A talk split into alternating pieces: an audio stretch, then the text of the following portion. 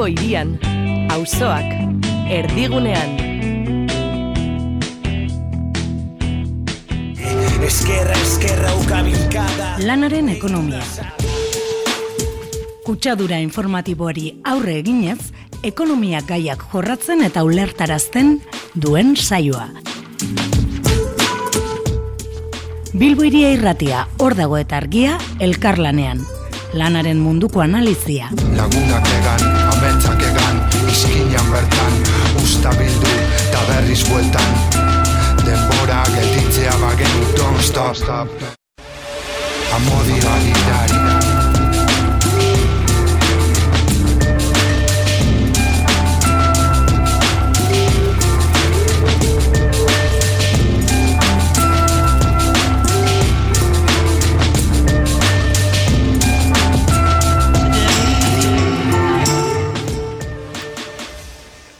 Bueno, egunon entzule guztioi, egunon guztioi, gaur zeigarren denboraldiaren itziera izango dugu lanaren ekonomiaren eunda zeigarren saioan.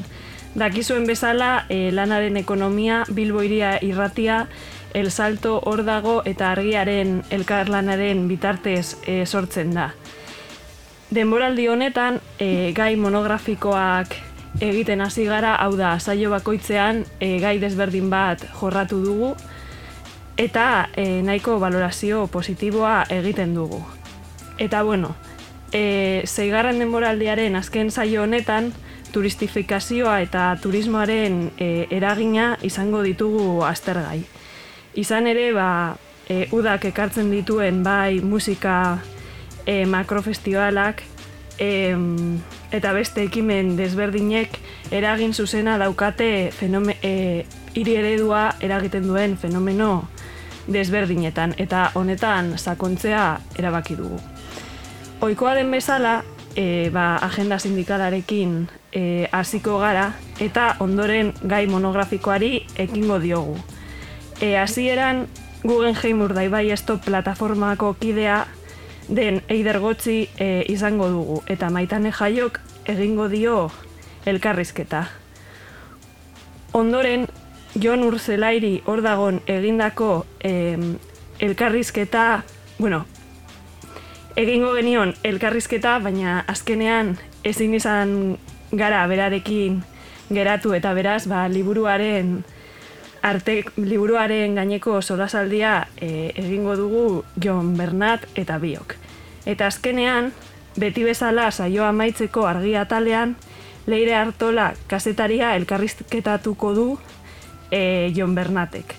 Ekitaldi handien artean, e, bereziki garestia izan den e, Frantziako turra dela eta.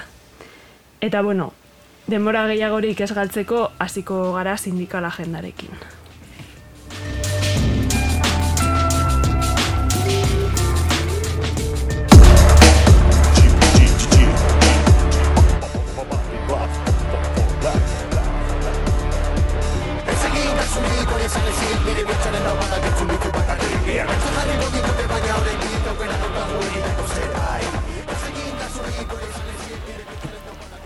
Bueno, e, jarraituko dugu sindikal agendarekin eta beti bezala lehenengo komentatuko ditugu martxan dauden greba eta paro desberdinak eta gero urrengo egunetako deialdiak komentatuko ditugu.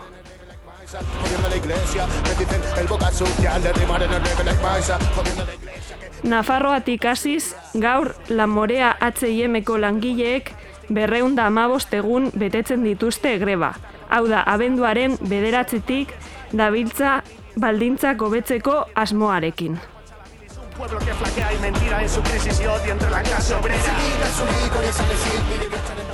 Gogoratzen dizuegu baita ere, implika enpresako langileek eunda emeretzi greba egun bete dituztela gaur ustaiak amabi kaleratzeen aurka.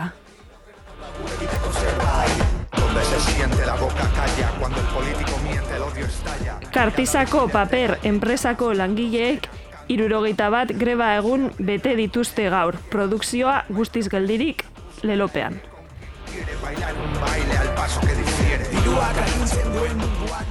Maiatzaren hogeita bederatzean greba mugagabea hasi zuten bizkaiko ondartzak mantentzeko zerbitzuek.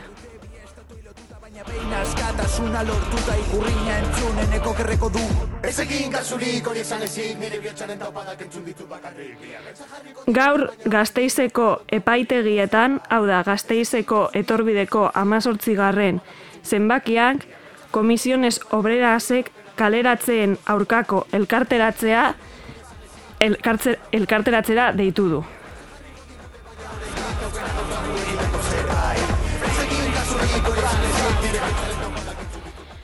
Ipar Euskal Herrira joan da Ustaiak Amalau kolektiboak deituta ostiral honetan Ustaiak Amalau mobilizazioa egongo da borrokaz herria aska dezagun lelopean. Frantziar estatuaren imposizio nazionala salatzeko zedearekin. Mobilizazioa Donibane Loitzuneko Didier Lafite plazatik aterako da arratzaldeko zeiretan.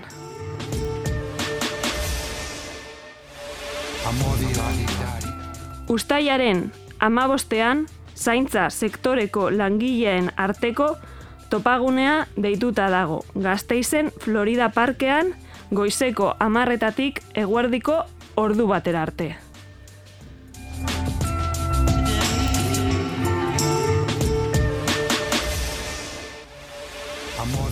Ustaiaren emeretzitik hogeita irura izarran iraultza txikien akanpada egingo da. Diotenez, eztabaidatzeko ideien kontrabandoa egiteko eta indarrak metatzeko toki bat izango da.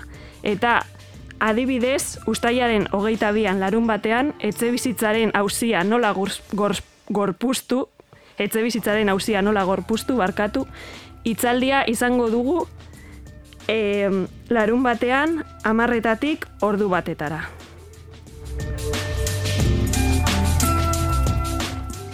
Urrengo aste artean, ustaiak amazortzi, pikete informatiboa egongo da goizeko bederatzi terdietan, getzoko auzitegian muruetako astilleroen gatazka dela eta. Urrengo egunean ere, ustaiaren emeretzean, arratzaldeko zeirak laurden gutxiagotan, erandioko astilleros muruetan, beste pikete informatibo bat egongo da.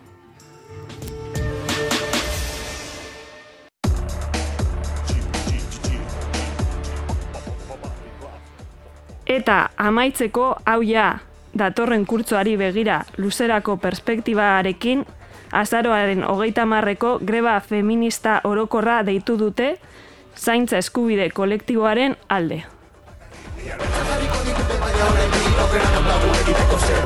Carmen Dios cada mañana como uno que se santigua Eguna crucea gira, mundua gira que gira La policía vigila, tú me das el agua Para que andago llamar tan curioso como vida Mira, le rimar en el like Maisa Oyendo la iglesia, que dicen el borracho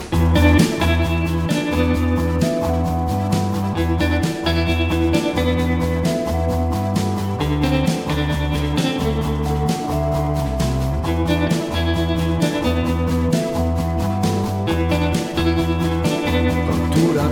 barir Azaraxi motorir Daukat Bosta sola Egin gabekoa Eski esan dakoa Aztu Dantzatzeko momentua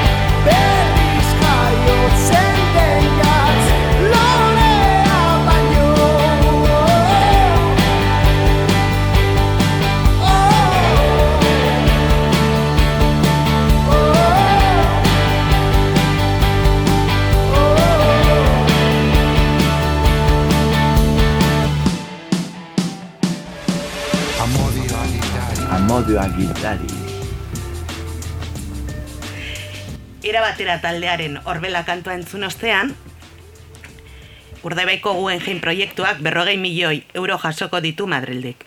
Guggenheim Urdaibai Esto plataformak, ba bueno, honen harina komunikatu gogor bat eh, zabaldu du. Honen inguruan eh, aritzeko, eider gotzi Guggenheim Urdaibai Estop eta zain dezagun Urdaibaiko kidea daukagu telefonoaren bestaldean. Egunon, eider. Bai, egunon, Egunon, bai, esan dudan bezala lehen ez, e, urdaibaien garapen iraunkorreko jarduera berezia bultzatzeko ekintzak, aurrera eramateko eman du diru laguntza Espainiako gobernuak, ez? Eta tartea legoke ba, bu- Guggenheim Museoren egoitza berria. Horrez gainere, ba, bueno, Bizkaiko aldundia beste berrogei milioi ere ditu aurreku, aurre ikusita Guggenheimentzako, eta Eusko Jaurlaritza beba izaten du proiektua definitu ala, joango dela ba, finan, finantzatzen, ez? Jaurlaritzak ba, proiektuak, e, proiektuaren ekarpen positibo bat, e, esaten du proiektuak ekarpen positiboa, egingo diola eskualdeari, baina bitartean zuek Guggenheim Urdaibai Stop plataformatik, ba, ba, bueno, ba, egin dozue azkenean proiektuaren kontrako, ba, saltzen zarete irmoki proiektuaren kontra. E, azaldu mesedez, e, honen inguruan. Ikusten dituzuen kalteak edo. Bai, begitu, hasieran eman dozun informazio oso garrantzitsua da. Egia da, Espainiako gobernuti transizio ekologikoko ministeritzatik berrogei milioi euro heldu direla. Eta berrogei milioi euro horiek, aipatu dozu hasiera hasieran, e, ingurumenarekin zerikusia duten ekintzak bultzate, bultzatzeko izango liratekela. Eta aipatu dozu baita be, e, Guggenheim museoaren eraikitze prozesurako. E, bigarren zati hori ez da, ez da zuzena. Eta hori da guk salatu nahi duguna, ze gure agintariak behin eta berriro hori aipatzen ari dira komunikabideetan. Eta Teresa Riberan e, ministeritzak argi utzi du, diru hoiek lur kutsatuak garbitzeko eta ingurumenarekin zerikusia duten ekintzak aurrera eramateko direla, baina inondik inora ez Guggenheim museo bat eraikitzeko. Hori bigarren zati bat izango litzateke. Eta hor dago gura, gura seriotasun gutzirekin ematen duten informazioa. Museoak eta transizio ekologikoko ministeritza ez daude lotuta. Hor ez dago inolako erlaziorik. Beraz, diru hori ezingo litzateke horretarako erabili. Aldundiak beste berrogei milioi euro e, gorde ditu. Eta esan dute proiektu egun mar milioi eurotan e, hasiko liratekela diru horrekin martzan. Bueno, ba, beraiek ikusi beharko dute diru hori nondik ataratzen duten. Baina Espainiako gobernuak emandako diru hori behintzet ez da helburu horrekin emandako dirua. Bai, gero, bueno, ere bai komentatzeko, ba, bueno, e, proiektu honek, ba, azkenean, ba, bai onuko txosten batek esaten zaben zona de sakrifiki- sakrifizio bihurtuko luketela, e, urdai bai, e, komentatu apur bat honen inguruan be. Bai, a ber, argi dago, ingurumenarekin lotuta dauden ekintzetan argi dago e, Europak daukan printzipio bat aplikatu behar dela eta zuhurtziaren printzipioa da. E, proiektu hauek aurre eramateko ingurumenean kalte txiki bat e, eragiteko e, aukera dagoenean zuhurtzia aplikatu behar da. Eta horrek esan nahi da, olako proiektuak ezin direla aurre eraman, zuhurrak izan behar gara. Ze gero, e, e, eragiten diren kalte guzti hauek ez dute bueltarik izaten. Beraz, printzipio hori aplikatzea derrigorrezkoa da. Eta honuk esaten dagoen moduan, e, sakrifikatu egingo geunke e, biosfera erreserba hau, Euskadin daukagun bakarra, proiektu pribatu bat, proiektu pribatu bat eta eskualdean informaziorik e, eman bako proiektu bat ez dakigu herritarrei e, herritarrek gogoko duten proiektu hau, ez dakigu e, urdaibaiko e, udalek gogoko duten proiektu hau, proiektu hau ilunpean e, hasitako proiektu bat da. Beraz, e, sakrifizio bat egingo da inori kontsultatu bako proiektu bat aurrera eramateko. Eta hori nok erabakitzen du alderdi politiko batek bakarrik erabaki dezake hori, guretzako hori oso larria da. Gauzak ez dira horrela egiten. Eta lehen esandakoa, ingurumenean egiten diren kalteak, itzulezinak izaten dira. Beraz, zuhurtziaren printzipioa aplikatu behar da, seriotasuna aplikatu behar da olako proiektuetan. Bai, eta bueno, zuek esan, bez, esan dozun bezala, azkenean eskatzen dozuena da, gardentasuna eta informazioa, torrez gain ere, eztabaida publiko bat ere, e, matea ba, eskualdean bertan. Bai, azkenean eskualde honek dituen arazoak zaharrak dira, ez dira berriak. E, Dalia lantegia zarratu zala, e, badira ja berrogei urte, larogei garren amarkadan zarratu zan. E, lur horrek, Dalia kokatuta dagoen lurrak, kutsatuta daramatzate e, berrogei urte. Eta oin ezaten digute, e, lur horrek garbituko direla Guggenheim museoa badator. Eta Guggenheim museoa ez badator, zer gertatzen da? Eskualdeko herritarrok ez daukagu eskubiderik ingurune osasuntzu batean bizitzeko, horrela ezin dira gauzak planteatu. Eta ikusten duguna da etengabe, etengabe horrela planteatzen dizkigutela e, kontu hauek. Guk eskatzen duguna da informazioa herritarrei ematea, informazioa eskualdeko udalei ematea. Eta denon artean, herritarrak eta ingurumena lehenengo lerroan jarriko dituen plan sozioekonomiko serio bat egitea. Azkenean proposatzen digutena e, turismoan oinarritutako plan bat da. Ikusi dugu pandemia garaian, e, turismoa non gertatu den, turismoak lurra josuen. Horretan oinarrituko dugu eskualde oso baten etorkizuna, guri hori ez zaigu bat ere serioa iruditzen. Eta gero ikusten dugu baita be agintarien aldetik, hor daukagu EAJ etengabe, etengabe, etengabe bere iritzia ematen du, komunikabideetan oso argi esaten dute proiektu honen alde daudela, proiektu hau izango dela gure eskualdearen e, arazo guztia konponduko dituen proiektu e, miraria, baina berarekin batera, bai aldundian eta bai eusko jaurlaritzan, gobernatzen duen PC ez du ezer esan. Ez du ezer esan. Behin eta berriro galdetzen diegu, Mikel Torrezi, e, PSEko e, Bizkaiko arduradunari, edo eneko anduezari, Euskadiko PSEko arduradunari, zein da beraien iritzia proiektu oneri buruz? Ez dira egun bi komunikabideetan irakurri duguna e, Bizkaiko foru aldundiko bigarren tenientea den La Espada Anderearen e, ahotik, proiektu hau ez duela ezagutzen. Zelan da posible hau? Aldun nagusiaren bigarrenak ez du proiektu hau ezagutzen? Ezke guk hau ez dugu ulertzen, orduen nor da proiektu hau ezagutzen duena?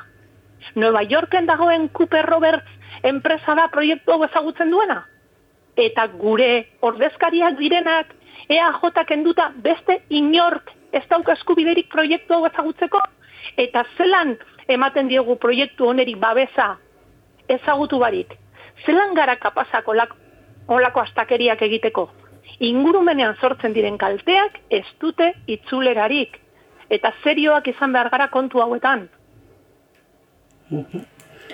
Bale, ba, ba idergotzi eskerrik asko e, gurean izatearen eta ematearen parte ba, Guggenheim Urdaibai Museoaren proiektuaren inguruan. Eskerrik asko zuei, Bai, horrengo arte. urren arte.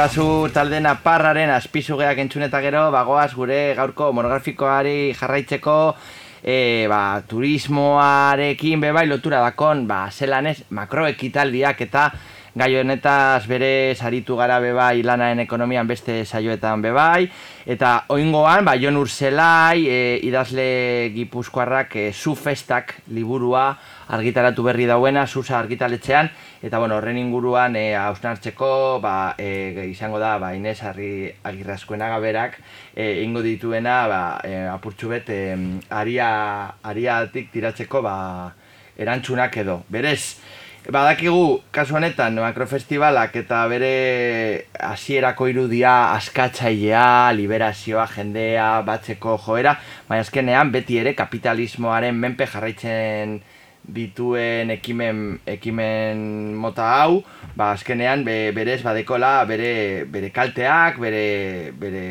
bere joan etorria, komertxo, merkantilizazio, publizidade, talde eta eta produktuen artean. Orduan, bueno, eh, ez dakit Inez, eh, zein izan daiteke liburu honen eh, ba, interesa edo ba, zergatik gomendatzen dugu liburu hau irakurtzea?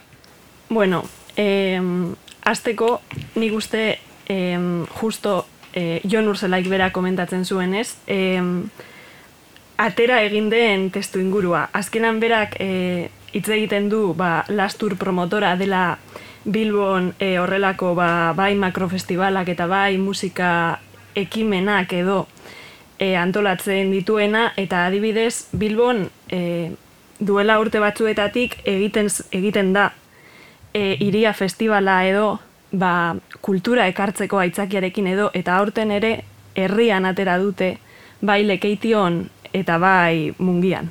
Claro, ez da oso argi geratzen ze kultura mota ekarri nahi duten edo ze ideia duten herrien inguruan, ez? Herrietara kultura eraman edo.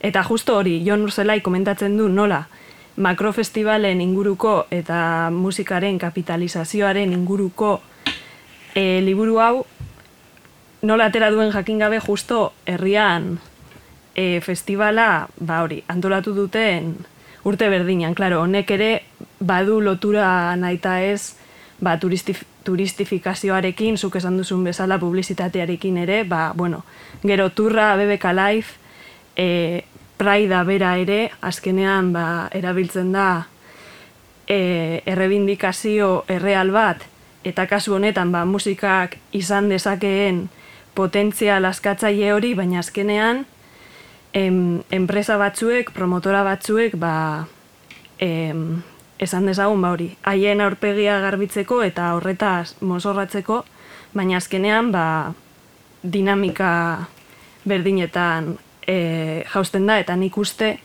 ba hori, dinamika hauetaz e, hausnartzen duela azken finean.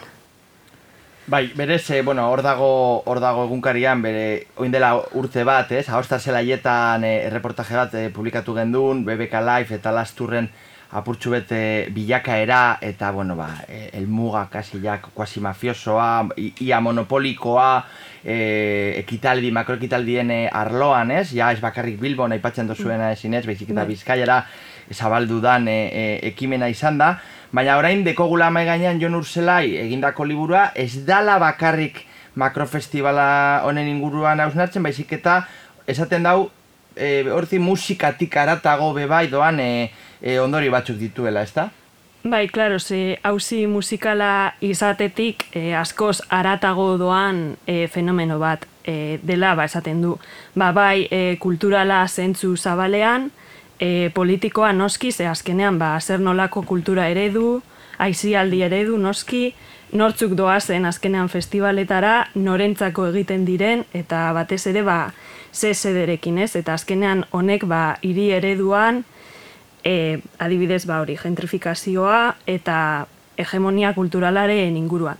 Berak elkarrizketan ere ba, esaten du e, nola uste zuen, baino askoz gehiago ikasi duen bai hegemonia kulturalaz eta bai e, aizialdi ereduez, zeberak e, bueno, dioenez makrofestivalen, makrofestivalen barkatu ba, konparaketa, e, bilakaera eta est, esterketa egin nahi zuen, ba, ez dakit imaginatzen dut, ba, modu analitiko batean, ez? Baina azkenean e, dena elkar lotuta agertu zaio e, nola baik. Berak esaten du, ba, nola behar bada, ba, irakurle batzuek igual, beste liburu, ba hori, analitikoago bat, e, esperoko zutela, baina azkenean hau, ba, fenomenoaren, ba, beste enfoke bat besterik e, e, ez da, ba, hori, egin daitezkeen guztietatik, ba, bat gehiago. Eta apurtxo bet zure arlora sartzen inez, e, e, literatura ikasketetan masterizatua zara eta e, figura literario anitz erabiltzen dituela hor makrofestivalen inguruan, ez? E, makrofestivalak eta figura literario batzuk lotzen ditu, ez da?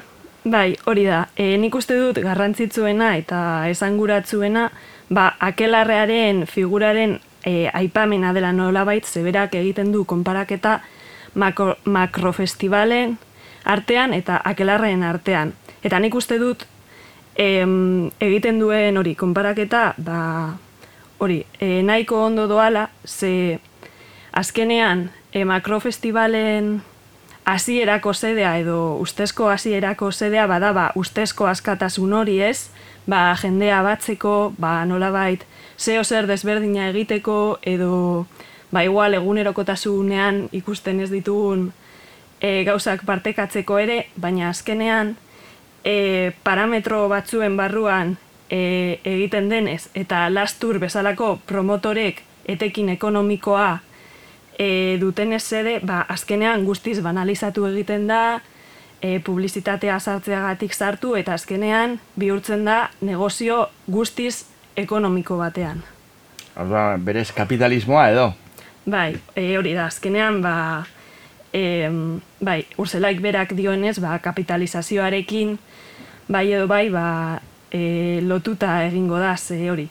E, jaialdiek edo makrofestivalek eduki zezaketen potentzialtasun berak esaten du utopiko edo irautzailea, ba, bueno, ba, guztiz e, banalizatuta edo gertatzen da. Eta adibidez, bueno, guk e, hemen egin genuenean e, herri musikako saioa ere, ba, Josu Zabalak ere ba, kontatu zigunez, ba, nola e, ertzainak eko e, kontzertuak, ba, bueno, saio horretan ba, badaude hainbat anekdota eta ikusten dugu nola ba, azkenean guztiz e, txertatuta e, geratzen dela ba hori, e, industria kulturalaren edo ba, logiken barruan edo berri txarraken kasuan ere asko komentatu zen MTV, MTV barkatu e, aguard zen, baina bueno, e, hor ere zeo zer gertatzen da, ez? Igual ez da hainbeste talde honek edo bestean, ze adibidez ere ba, komentatzen da,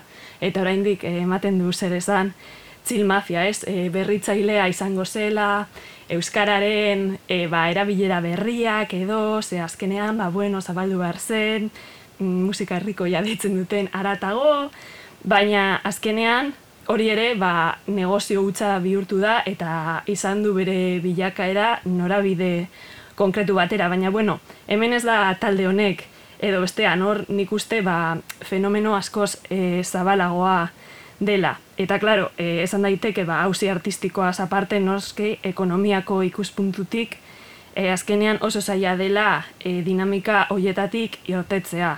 Nik uste ez bada lehenago ba hori, ariketa kontziente bat egiten edo ze claro, ba kontrakultura bera ere definitzea ba bueno, ze puntura arte, ze puntutar arte da beharrezkoa edo, ez? Ba, nik uste dut e, oso ondo azaltzen duela urzelaik, zeberak jartzen du fokoa zer izan diren e, makrofestivalak edo festival desberdinak hasiera batean, zer diren gaur egun, eta zer izan daitekeen, claro. E, parametroak aldatuz edo benetan fokoa jartzen badugu zer gertatzen den hor. Gero ere, ba, badaudein bat faktore desberdin, ez, kanpotik, e, bueno, kanpotik. E, esan nahi dut, e, hori, produkzio artistikoaren adatago, ba, diskoen desagerpena, azkenean teknologia berriek, ba, makrofestivaleta, makrofestivaletako dinamikak ere, bai areagotu eta bai baldintzatzen dituzte, ze azkenean, ba, Spotify bezalako plataformek, ba, bai e, algoritmoarekin, teknologiekin esan bezala, ba, kulturalki ere ba, pupurri bat bezala edo sortzen dute, ez? Eta esan dezakegu, ba, azkenean, ba, lastur bezalako promotoren interesak ere atzean daudela. Orduan, claro, e, hor, ba, kulturari buruzko hausnarketa edo gehiago, ba, gehiago da, ba, hori, algoritmoekin, ba, gehien entzuten dena edo, eta bai, ba, kulturaren izenean, baina ez dakigu ezer kultura, ezer, orduan azkenean, bueno, hau ez da bat ere berria, baina bai, negozioa egiten da musikarekin. Baina beri, Inés, kill your idols. e, Egurra, egurre osartu dozazu, ertzainakeri, berri txarrakeri, txil mafiari, baina mesedez, zer geratzen dazku gure kontrakultura, gure herri mugimenduan. Hain importantea izan dan, bilakaera hartatik, gaztetxe zirkuitotatik, e, bueno, bere momentuan ba, bebai e, eginen eta berreskuratutako ba, martxa eta borroka eta barreko log- dinamiketatik, gaur egun, ezer ja ez da geratzen e, kapitalismoaren atxaparretatik e, azke? Bueno, a ver, em, liburu honetan esaten den bezala, claro, eske hau, bueno, lehen esan bezala, ez da talde batzuek egiten dutena dinamika batean sartzeko edo, azkenean dinamika edo badago e, nik uste dut haien gainetik horregatik, ez da hainbeste talde honek edo besteak baizik eta tendentzia bat, ez? Baina, bueno, e, liburura joan da, e, berak egiten du justo e, konparaketa bat, mila bederatzireun da irurogeita iruan egindako festival bat mairul elegorretan, ez? Eta gero, berrogeita hamar urte geroago, Crystal Fighters e, festivala sugarramurdin. Eta orduan egiten du, bien arteko e, konparaketa. Eta hori, mila bederatzireun da irurogeita iruko e, festival horrek e, aldarrikapen askoz politikoagoa zuen, eta adibidez, ba, Euskaldun identitateak ero garrantzia handia hartzen zuen, eta ikuspuntu militante batetik egina zegoen. Ta bigarrena ordea sugarramurdikoa, e, berrogeita mar urte geroago, banku batek finantziatzen zuen, gonbidapena behar zen. Eta orduan, ba, oso esanguratsua eta interesgarria e, gertatzen zaio eraldarketa, ze, zer gertatu da hor. Osa, azkenean, galdera hori botatzen du, ez? Zer gertatu da hor. Eta, ba hori, honek, ba, nahi edo ez, ba, irakurketa politiko bat e, ekartzen du. Ze, e, ze aizi aldi eredu esan bezala, ez? Eta batez ere, ba, ze interes ekonomiko daude atzean. Ze, bueno, ba, esan bezala, hor, badago artearen eta kasu honetan musikaren ba, instrumentalizazioa em, esan dezakegu, ez? E, etekinak atera aldera eta horren izenean ba, edozein motatako ba, bai banalizazioa, ba, ba, bueno, ba hori. Eta hori, berak e, urzelaik ba, berriz e, ba, esaten du zer den, zer da eta zer izan daiteken ba, jokoan sartzen ditu ez. Eta azkenean, ba, bueno, ba, makrofestivalek badute potze- potentzialtasuna zeo zer komunitarioa, elkarlanetik sortua, ba, potentzial irautzailea edo nahi bada ba, urratzailea izan dezaken, zezakeen, ba, hortik zuenetik, orain, orokorrean, ba, entretenimendu utzal batera, aizialdi eredu konkretu batera, eta, bueno, berak dioenez, ba, parke tematikoa, ez? Ba, bueno, ba, hori, ba, auskeria, banalizazioa azken finean, ba, hori, e, labur esan da, ba, hori, lastur bezalako enpresek, ba, etekinak e, atera aldera. Eta hor, orduan, sugarra murdikoko basuretatik, e, Bilbo irira bueltaka, e, badu, antxa, ez da kultura hutsa, e, lasturrek eta horrelako promotoren e, makroekitaldiek, badute bere zerakina baita hiriaren gentrifikazioare beragaz, edo betiko biztaleriaren desplazamenduan, ez da? Bai, hori da, ze, bueno, lehen aipatutako irian e, festivala, hori lasturrek, ba, hori, antolatuta edo, ekainero, ba, bueno, gero deustu eta santutzura bideratu zen, baina egiten zen bai San Franciscon eta bai Bilbin. Eta, bueno, ba, badakigu e, hor, ba, gentrifikazioaren gaia nahiko potente dagoela, E, baita, bueno, ekain honetan ere ikusi da praidarekin ez, LGBT mugimenduak e, salatu egin du.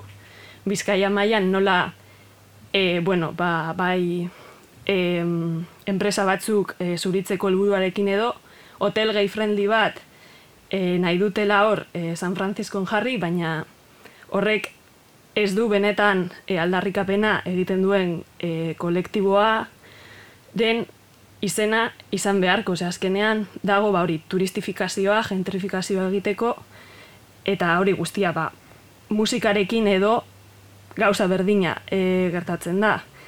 Ba, alde batetik e, ez du benetan e, jendearen arteko elkarlana bilatzen edo parte hartze kolektibo hori, ez? E, izan beharko lukeena.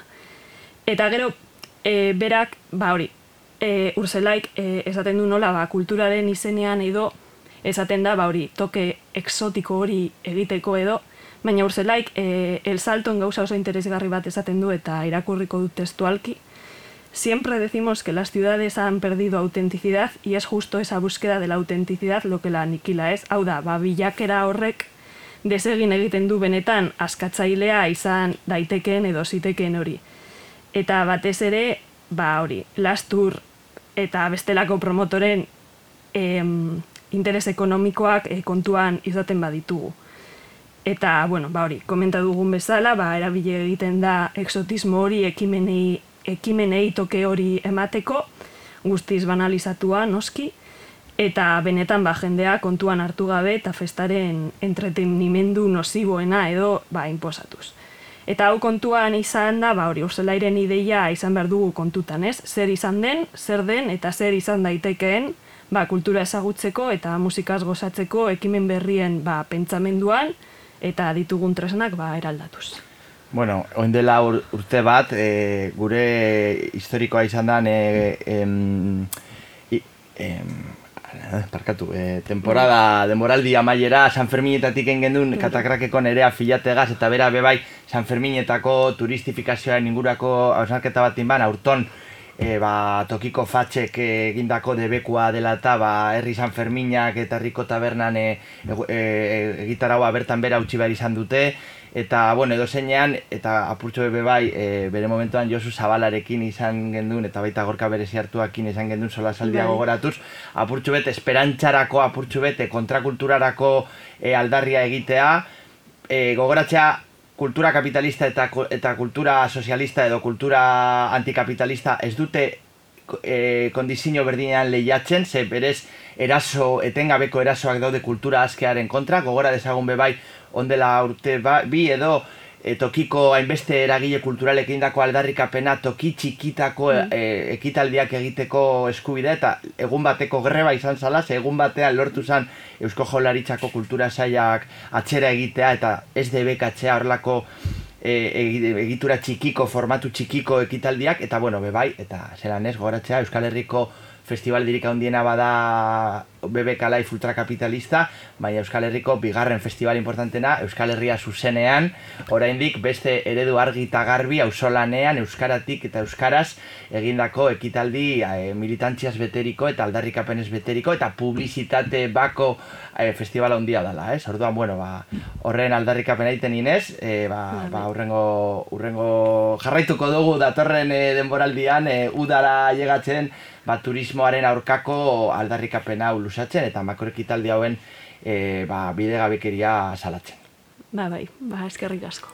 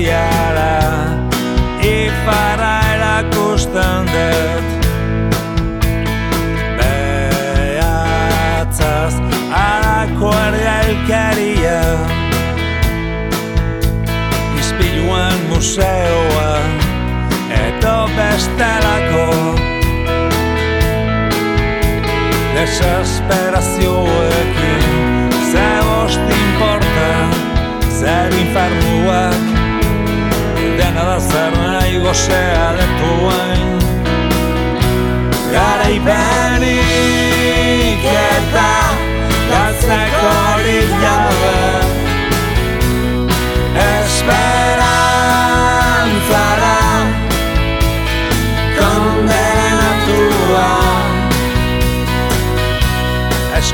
begiz kanpoko bakardadea existitzen ez den erio bateko morroi txakur bat bezala. Arnaz estuka gustoa Ez da sinistan, sinistan Da ez da sinistan, ez da sinistan Garaipenik eta galtzekorik jabe Esperantzara. Kondenatua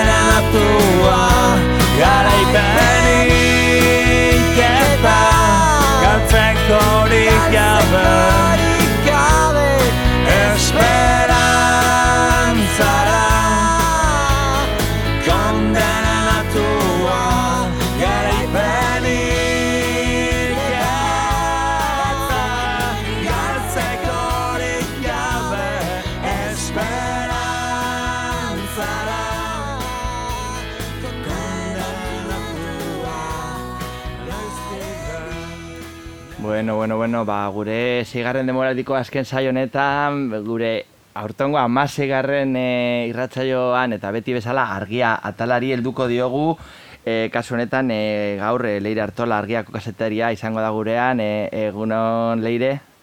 Kaixo, egunon. Bueno, e, badaro, badaro hau apurtxu bet ekitaldi handienen inguruan eta bueno, e, orain e, BBK Laiferien inguruan eta lasturreri kritika egin dugu eta orain ba, bueno, ba, zurekin helduko diogu beste abia puntu batetik, ez? E, ba, Frantziako turra Euskal Herrian hasi dala eta bueno, ba, antxa ez dau bakarrik e, posa eta ikurriñak astintzea eta hori, ba, baizik eta bueno, e, antxa egon diez bebai, ba, kontrara agertu dizen kolektiboak, ez da?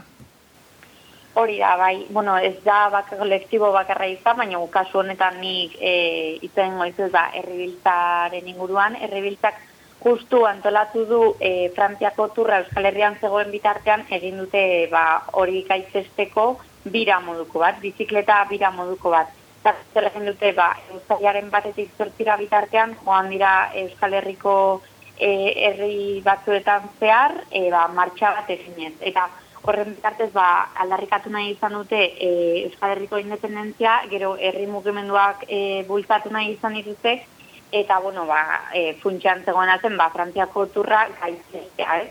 Eta gainera genituzte baita ere, elkarretaratzeak e, ba, hor Frantziako turraren aurka, ba, Bilbon, Donostian, eta Baionan ere uztailaren hasiera horretan. Zer e, aldarrikatzen zuten, bueno, ba, e, beraien helburua dela e, Euskal Herriak e, independentzia izatea eta justu Frantziako turra dela horren aurka dijoan e, ekitaldi erralde bat, ez? E, ba, Frantziako agintariek Euskal Herria zapaltzen dutelako e, esan dute ba, besteak beste. Eta horrez gain, ba, salatu dutena da, ekitaldi erraldoi honek e, turrak ba, eragiten duela ba, panem ek, e, esaten dena ez, eta politika hori salagarria dela, ze azken finan ba, jendeari e, ematen zaiola ba, janari eta jokoak esaten den bezala, eta ba, horrela nahi izaten dutela e, instituzioetatik ba, munduko arazo larri eta midegabekeri ba, e, i begira da apartatzea herritarrek eta gainera, bueno, salatu dute instituzioak beraiek e, izan direla hau bultzatu dutena, eta e, esan dutenez, ba, amalau koma bi milioi euro publiko bideratu ditu e, bai Eusko Jaurlaritza, foru aldundiek eta Donostia Gazteiz eta Bilboko udalek e, turrera. Eta hori ere, ba, kritikatu egin dute, ez? Diru publikoa horra bideratza, ba, kritikagarria eruditzaile. Eta gainera esan duten ez ba komendatu dugun bezala, e, diru irabazi handiak e, ematen omen ditu turrak, baina bereiek esan duten ez ba enpresa batzuen eskutan gelditzen da diru guzti hori, ez da? Eta gainera enpresa horiek e, salatu dutenagatik errebiltatik, ba enpresa horiek e, langileen bizkar e, lortzen dute diru guzti hau, eta gainera, bueno, ba, lotxagarrea iruditu zaie e, turran, e, turrean egin den publizitate kam, e, karabana hori ez, esan duten ez ba, e, egun da irurogei publizitate auto joaten dira e, turrarekin batera, eta ba, guztira igual e, ama bost milioi publizitate objektu banatzera iristen direla e, esan dute errebiltatik. Eta, bueno, ba, horrez gain ere, e, ba, ohartarazi dute ez, ba, kutsadura eta beroketa klimatikoan ere eragina duela e, eki, horrelako ekitaldi handi batek, eta bueno, ez bakarrik frantziako turra, baizik eta ba, bueltak, mundiala, joko olimpikoek eta horrelako ekitaldi ba, azkenean bidaiak eta kontsumoa e, dela eta bueno, ba herribiltzaren esanetan ardura gabekeria da horrelako ekitaldi erraldiak antolatzea. Orduan, e, leire, e, saletasun izugarritaz aparte, e, gure erakundeen triunfalismotik ba, asko nabarmendu da, ez aberaztasuna ekartzen dituela, ikusgarritasuna gure herria, bere gure nazio aldarrikapenei, baina azkenean ez da dana hain polita, ez da? Hmm, hori da. Berez teoria, bai, instituzioek hori izan digutez, e, aberaztasun iturri handia dela eta jende asko erakartzen duela honek, eta begirada guztiak e, Euskal Herriran bideratu direla, ez? Baina, bueno, e, ba, bueno, spoiler txiki bat egingo diete entzulei, eta datorren aztekarian e, argian argitaratuko dugu Roser Espelt ekonomialariaren artikulu bat, eta bertan esaten du ba, aberaztasun honen atzean e, ba, ez dagoela beneta, ez dela egiazkoa, ez? Turismoak ematen digun aberaztasuna ez dela egiazkoa. E, bueno, esan digute instituzioetatik e, berez e, eun milioitik gorako etekinak ekarriko lituzke turrak, frantziako turrak Euskal Herrira. Eta kontra bueno, ba, erakundeen amabi milioiko inbertsio horretan, bueno, ba, negozioa borobila ikusten dugunez ez. Hori da kontatu digutena, baina, bueno, e, espeltek esaten duen agatik, bueno, ba, berak talantzan jartzen du azteko e, ea nola kalkulatzen diren etekin ekonomiko horiek, ea egitan e, egun milioetik gora izango diren, baina horrez gain, e, en, esaten duena da, ba, ekimen erraldo jauk helburu bakarra daukatela. Eta dela, turismoaren, turismoan oinarritutako eredu ekonomikoaren e, edo bultzada hori.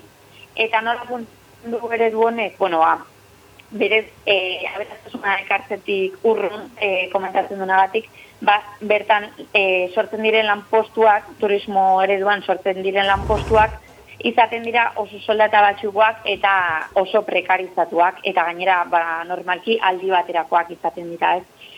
Baina orduan nola uler daiteke horrelako ekonomikoak lortzen turismoa, gara soldata batxua direla bueno, ba, esaten digun agatik roserrek e, kapital jabeek lortzen dute etekin hori ez, azkenean esku gutxi batzuetan gelditzen da eta aberatzen eskuetan gelditzen da turismotik lortutako diru hori. Eta ez dira gizarte osoarekin banatzen.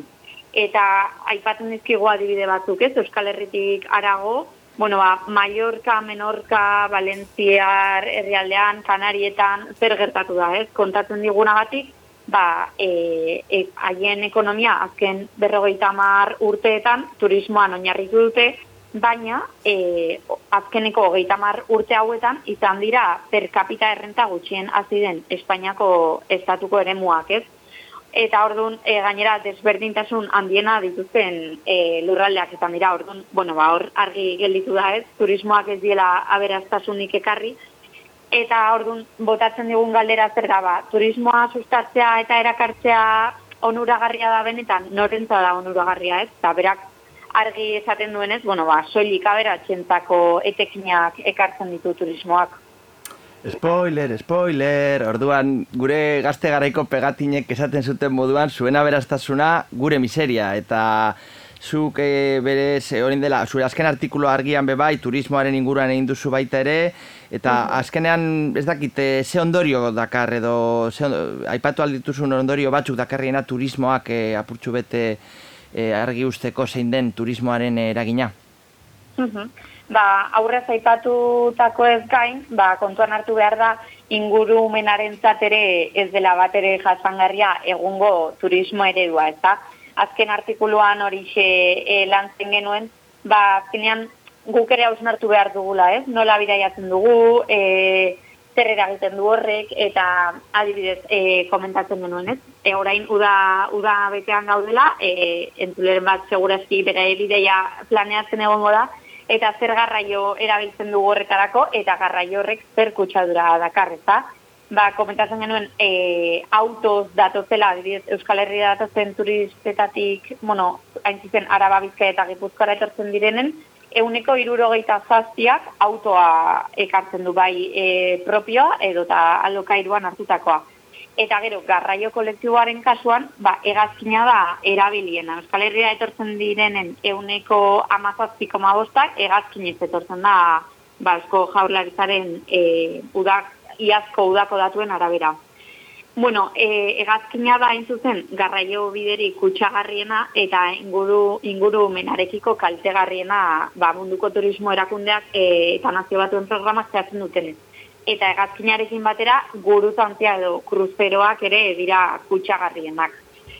Kalkulatzen jarrita e, zenbat kutsatzen duen egazkin batek ez da, bueno, hor dago e, Alemaniako goberenzkanpoko erakunde batek e, atmosfer.de izeneko webgunea du, eta bertan e, edo zeine kalkulatu ezak zenbat kutsadura eragiten duen, ez? Kalkuluak egin ditugu eta adibidez Bilbotik Mallorcara e, pertsona bakoitzeko berreun eta berrogeita zazpi e, kilogramo karbono dioksido e, isurtzen dira atmosferara. Hau ez da egazkiniko, eh, baizik eta e, pertsonako. E, beste adibide bat emateko, ba, iruñeti Filipinetara e, egazkin hartuko bagenu, zazpi mila iruren eta horrei kilogramo wow. CO2. E, eta bueno, hemen zer da kontua, ba, en Pariseko konferentzian, 2008an klima aldaketaren konferentzian, zehazte zutenez, ba, klima aldaketa geldiarazteko, edo, bueno, gutxitzen zaiatzeko, urtean pertsona bakoitak mila bosteun kilogramo isuri, CO2 isuri beharko lituzke, eta esaten ari gara, ba, egaldi, iruñetik Filipenetara egindako egaldi batean, bai, zazpi mila irureun eta piku e, isurtzen ditugula, orduan, imaginatu ez, zein den e, aldea, eta gainera beti ere ba, e, lehen klasiko egaldiak hartuko bagenitu, are handiagoa da gaztu hori. E, de Guardian egunkarian adibidez analizi bat egin zuten behin eta e, esaten zuten distantzia luzeko egaldi bakoitzak isurtzen duen karbono dioksidoa bela herrialde batzuetako pertsona bakarrak urte osoan isurtzen duen kopuru bera. Beraz, bueno, ba, norberak atera ditzala e, ondorioak ez da, eta horre aipatzeko, bueno, ba, ez dela zelik egazkina, ez? E, kontuan hartu behar dugu, auto batek ere, e, batez beste urtean, e, 2000 kilogramo CO2 isurtzen dituela kalkulatzen du Alemaniako webgune honek, izan dugunez, eta beraz, bueno, ba, garraioa ere, ez, e, zenbat kutsadura eragiten duen. Hemen proposatzen digutena da, bueno, ba, trena dela, e, diz, diferentzia handiz, e, gutxien, ingurumenarekiko kutsadura gutxien eragiten duen e, garraio bidea, bueno, eta gero zer kontua zer da, ba, artikulu honetan azertzen genuen, ez? E, gu horrekin arduratuta gabiltzala, baina gero baudela ba, bideoidunak munduan zehar jet pribatuetan bidaiatzen, eta kasu honetan, ba, aste honetan eliario asko e, notiziatera du, ez? E, Gipuzkoan, ondarribian, e, eun mila euroko jet pribatu bat lurretatu da, zuzenean New Yorketik iritsi dena. Eta, bueno, kontatzen zuten diario baskon, ba, familia aberatxe bat zegoela bertan, eta e, iru pertsona zekartuan, imaginatu zen bat kilometro eta zen bat eragin duen honek, eta, e, ba, soilik iru pertsona e, Nueva Yorketik e, donostia aldera ekartzeko, ez? Beraz, bueno, ba, horre badago zerra, hartu, e, alde batetik ba, nork eragiten du kalte ekologikoa ez da, e, guk eragiten dugu, turistek eragiten dute, milioi unak dira eragiten dutenak, zer eragiten du, guk murriztuko bagenu e, karbono dioksidoaren isuri hori, bueno, ba, eta jet pribatuek, jet pribatuak erabiltzen jarraituko balotek, zeo zertan aurreratuko genuke, ba, hortzen bait, galdera gelditzen zaizkigu planteatzeko.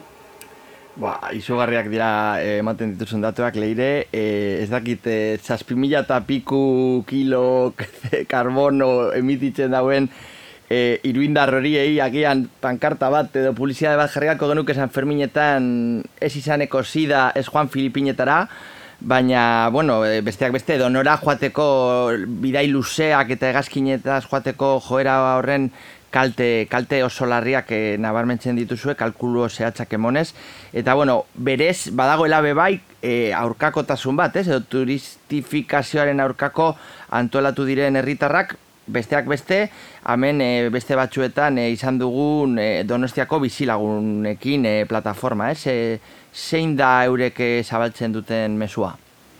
Hmm, hori da, e, bizilagunekin plataforman elkartu ziren, bueno, azken urteetan batik bat donostia e, jasaten ari den turismoaren goraka horrei aurre egiteko, eta bere proposatzen dutena da, ba, eredu hau ez dela bat ere jasangarria, eta e, desazkunde turistikoa e, proposatzen dute, da horretarako, ba, e, beraien webgunean ere ikusi daitezke, amasi proposamen zehatz egiten dituztela, eta bueno, horietako batzuk aipatzearen, ba, e, lehenek eta bain e, proposatzen dute hiri behatoki bat sortu beharko litzake dela donostian, eta bertan aztertu, ba, bizilagunen bizi baldintzak benetan nolakoak diren. Eta gero ez dute, ez dute nahi e, turist, turismoa izatea e, ekonomiaren ardatza, ez? Eta proposatzen dute iriko ekonomiare orekatu egin behar dela, ba, beste jarduera ekonomiko batzuk ere bultzatzen. Gero, e, pixu turistikoen inguruan, bueno, ba, argi ikusten dugu alokairua ze igoera izan duen, ez? Bat ez ere toki turistikoetan, eta espekulazioari aurre egiteko, bueno, ba, proposatzen dute pixu turistikoen kopurua murriztu egin behar dela eta muga jarri behar direla instituzioetatik. Hotelen lizentziak ere esleipen horiek gelditzeko eskatzen dute, ikusita azken urteetan zenbat hotel berri e, egin diren donostian eta gainera, bueno, ba, esatzen dute, e, autobizitza eta kale bizitza albidetzen duten azpiegitura eta baliabideak eskaini behar direla, ba, iturriak, eserlekoak eman, parkeak, gune estali batzuk, ez, kirola egiteko guneak, alegia, kalea ere izan dira e, bizitzeko gune bat, eta ez soilik merkantilizatzen den gune bat, eta turismoaren zako komertzioa gune bat zer gehiago esaten dute, bueno, ba, eskualde mailako beharren arabera ere mugikortasun eredu bat diseinatu behar dela. Garraio azpiegitura on erraldo horiei uko egin behar zaiela, eta benetan ba, herritarrentzako baliagarriak izango diren garraioa bultatu. Eta, bueno, ba, beste kontu bat esateko, ba, didez, tasa turistikotik jasotako diru sarrerak, e, proposatzen dute ez e, bideratzea berriro ere jarduera turistikoa indartzera, baizik eta ongizate politiketara bideratzea ez, alegea bat, ez turistuntzako izatea, baizik eta, bueno, ba, bertan bizi diren herritarrentzako eguneroko bizitza hobetu dadin.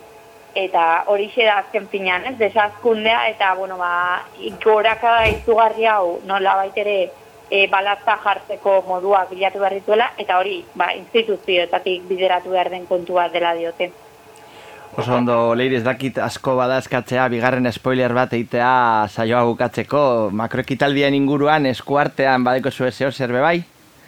Bai, hori da, justu gure azkeneko aztekarian, abuztuan deskantxoak dugu, beraz, ustaileko azkeneko aztekarian e, makrofestibali emango diegu tarte luzetxoa, beraz, ba, horrelako ekitaldi zugarriek dakartena eta eta noren aldekoak diren alegia, ba, noren eskuetan gelditzen den hor e, lortutako dirua eta noren e, kaltetan izaten den, ba, beste beste lan baldintzak eta abar, ba, hori dena aztertuko dugu sakonago argian. Bueno, ba, eskerrik asko, betiko moduan, e, leire hartola harin, eta bueno, ba, argiako e, kasetari guztiei, ez, benetan eskerrik asko hor tinko eta, eta fidel e, gure lanaen ekonomian saio honetan parte gaitik, eta bueno, ba, urrengo batera arte. Eskerrik asko zuei, ondo segi. Ondo.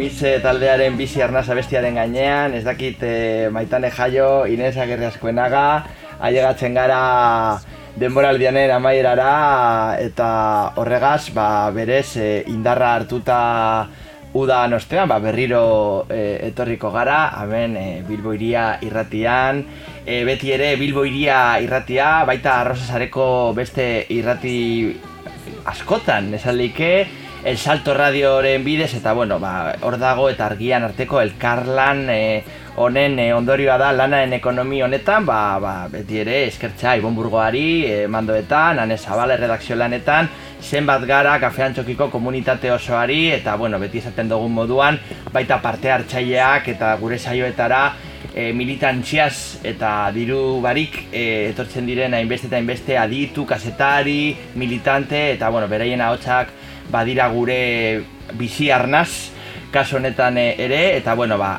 beti esaten dugun moduan zuri entzuleari e, hor zauzelako e, entzule fidelak e, e, susteko entzuleak e, danak dira sarie importanteak eta bueno ba eskerrik asko eta irailean urriaren hasieran asko jota berriro entzungo gara elkar